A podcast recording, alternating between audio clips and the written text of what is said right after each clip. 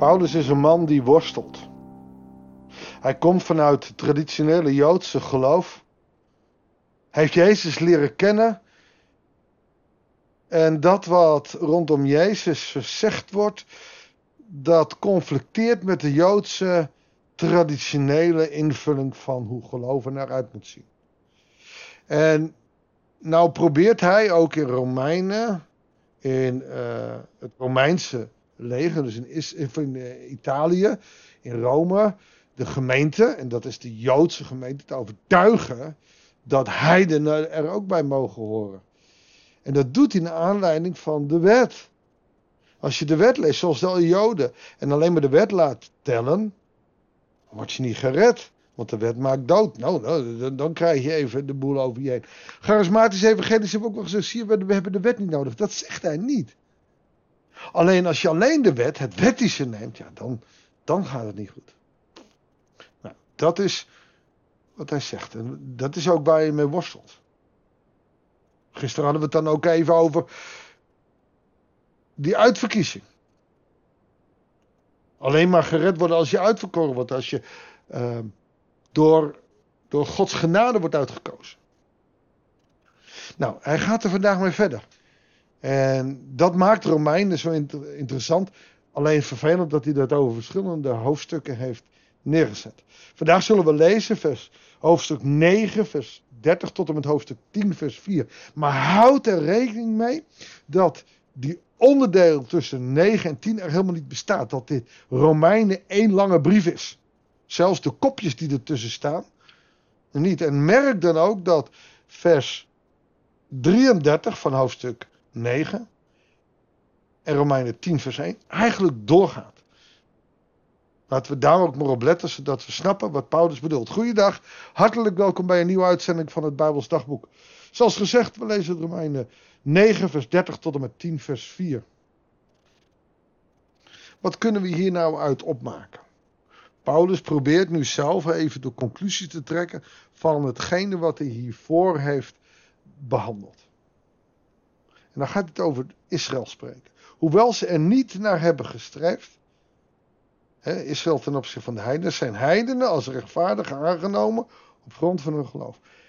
Heidenen hebben nooit gestreefd, wij willen bij God worden. Maar op grond van het geloof, dus door bekering, mochten ze bij God horen. Dan kan je niet meteen concluderen dat alleen mensen die later tot bekering zijn gekomen erbij horen. Nee, volstrekt niet. Maar het gaat dus niet om wat je doet, maar het gaat om het geloof. Maar Israël, dat ernaar streeft door de wet gerechtvaardigd te worden, heeft dat niet bereikt.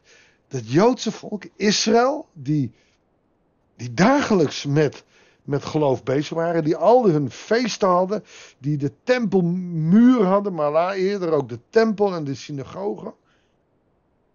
Hebben daarna gestreefd, maar niet bereikt. Dat zijn keiharde woorden voor de Joodse gemeenschap daar in Rome.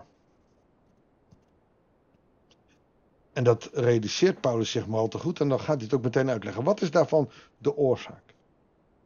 Nou, zegt hij, ze handelden alsof van het van hun daden afhing en niet van hun geloof. Dus wat zag je? Veel dingen doen. Veel gaven geven.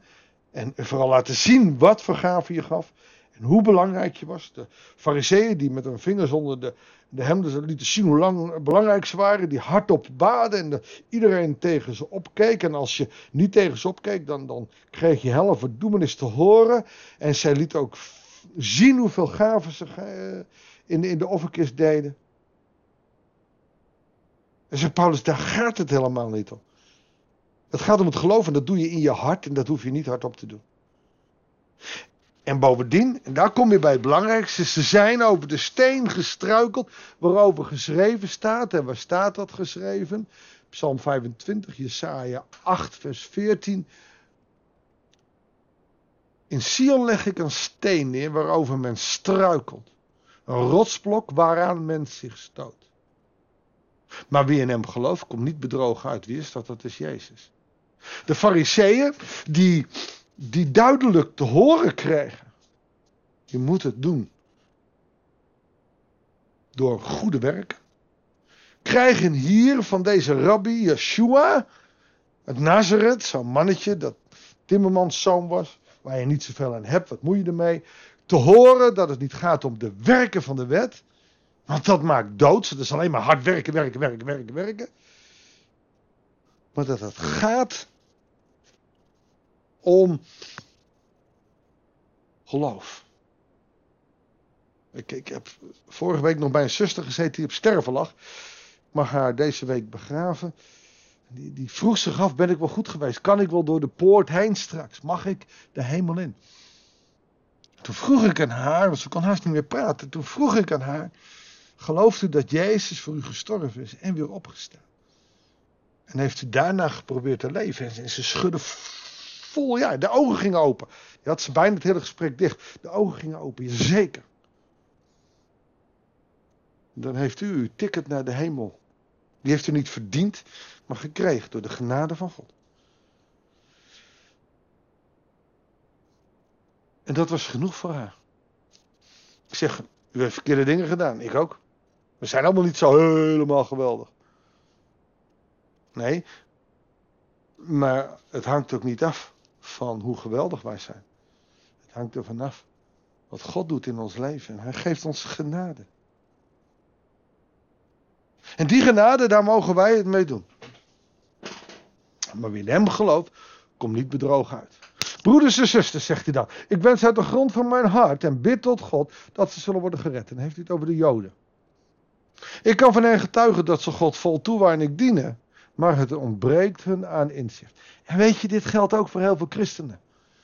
Heel veel mensen die zeggen, nou laat mij maar bouwen, laat mij maar dingen doen. Maar het gaat niet om dingen doen, het gaat of je getuigt van God. En, en nou ga ik het nog scherper zetten. Jezus heeft aan het eind van zijn leven, toen hij vlak voordat dat hij naar de hemel ging, gezegd. En vertel aan iedereen wat je geleerd hebt. Dat betekent niet dat je het met dingen moet doen, maar dat je geloof moet laten groeien. Door te vertellen, door te vertellen waarom jij bij Jezus hoort. Want omdat deze mensen Gods gerechtigheid niet kennen, vers 3, proberen ze hun eigen gerechtigheid te laten gelden en verlaten ze zich niet op Gods vrijspraak.